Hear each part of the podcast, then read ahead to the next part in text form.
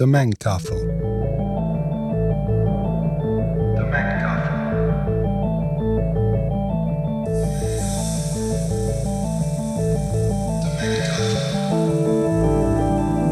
De mengtafel met Andrew Mackinger.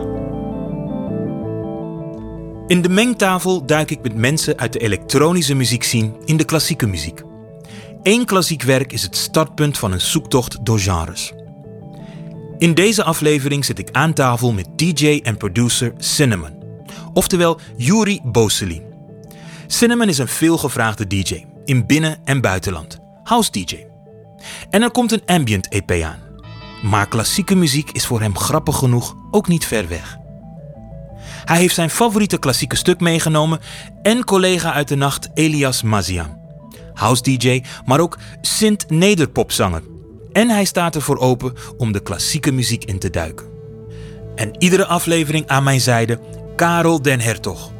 Klassieke muziekkenner en muzikant. En de man die ons bijstaat in de zoektocht door de wereld van klassiek.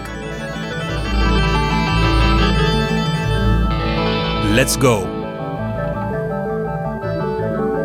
Juri, jij zei voor dit programma zei jij iets heel interessants. Ik luister geen orkestraal. Dat is voor opa's. ik dacht, ik gooi die gewoon even voor de bus.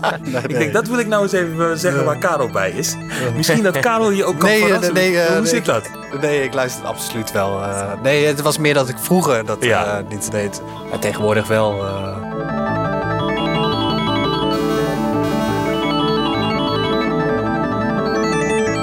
De Mengtafel. Vanaf 16 januari te horen op alle podcastplatforms.